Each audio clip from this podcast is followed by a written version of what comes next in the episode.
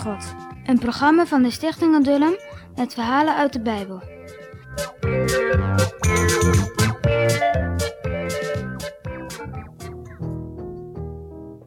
Rondom de tabernakel stonden de tenten van de stammen Israëls. Twaalf stammen, genoemd naar de twaalf zonen van vader Jacob. Er was veel werk te doen in het huis van God. Daar had de Heere de stam van Levi voor aangewezen. De Levieten dus.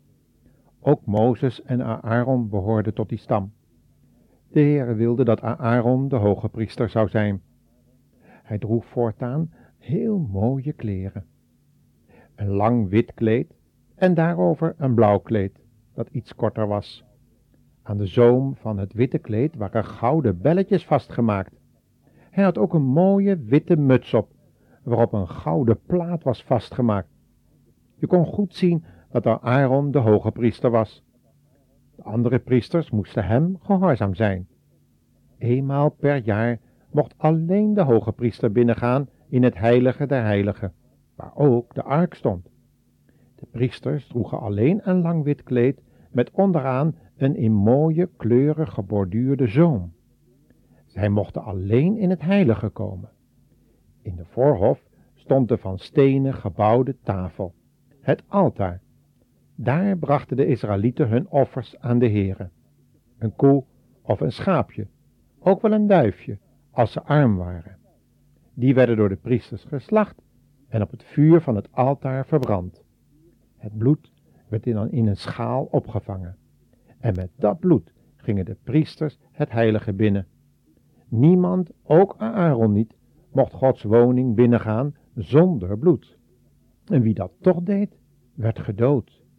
Dat bloed werd genoemd het bloed der verzoening. Alleen als de Heere dat bloed zag, wilde hij het kwade, dat is de zonde, vergeven. Wat betekent dit nu? Ja, dat is nog wel wat moeilijk voor jullie. Als je groter bent, zul je het beter kunnen begrijpen. Maar weet je nog wel hoe ongehoorzaam Adam en Eva tegen de Heere zijn geweest? Ze werden uit die mooie hof van Eden verjaagd. Maar de Heere heeft hun toen iets beloofd. Hij beloofde dat eenmaal de Verlosser zou geboren worden. En die zou de duivel en de zonde overwinnen.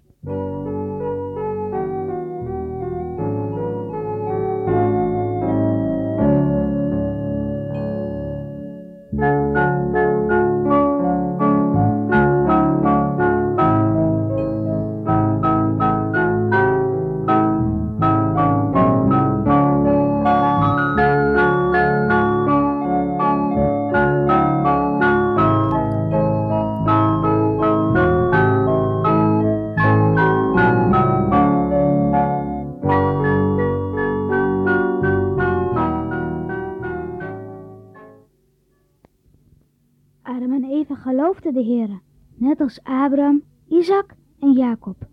Aan hen had de Heere beloofd dat de Verlosser uit hun nakomelingen zou geboren worden. En wie waren die nakomelingen? Dat waren immers de Israëlieten. En wie zou eenmaal uit Israël geboren worden? De Heere Jezus. En hij was de beloofde Verlosser. Hij is als een lam geofferd. En hij heeft zijn bloed gegeven voor de zonde van zijn volk. Want een kind is ons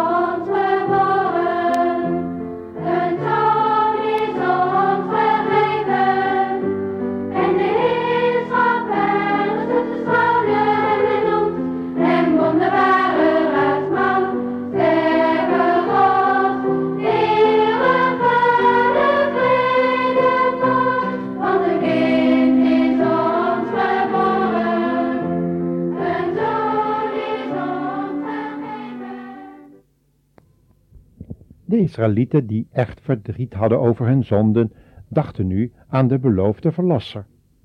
Wanneer de priester hun schaapje op het altaar offerde, dan zagen ze als het ware voor zich wat heel ver in de toekomst zou gaan gebeuren.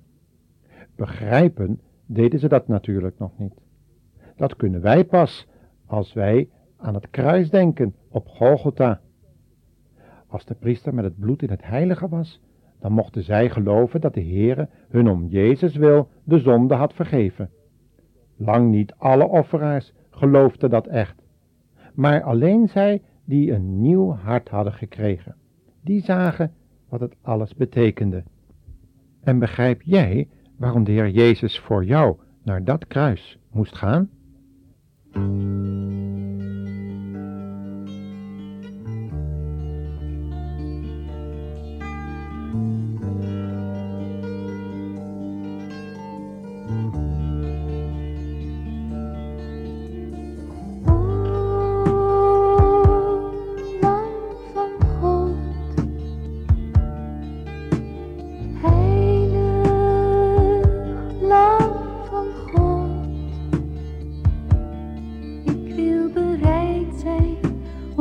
Zwerven zoals u hebt gezworven en het land doorging als een vreemdeling.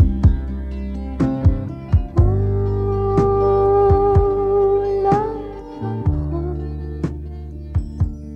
ik wil bereid zijn En dan is het nu weer tijd voor de quizvraag. Waar werd voor het laatst het bloed van de verzoening gestort? Dus nog een keer, waar werd voor het laatst in de wereldgeschiedenis het bloed van de verzoening gestort?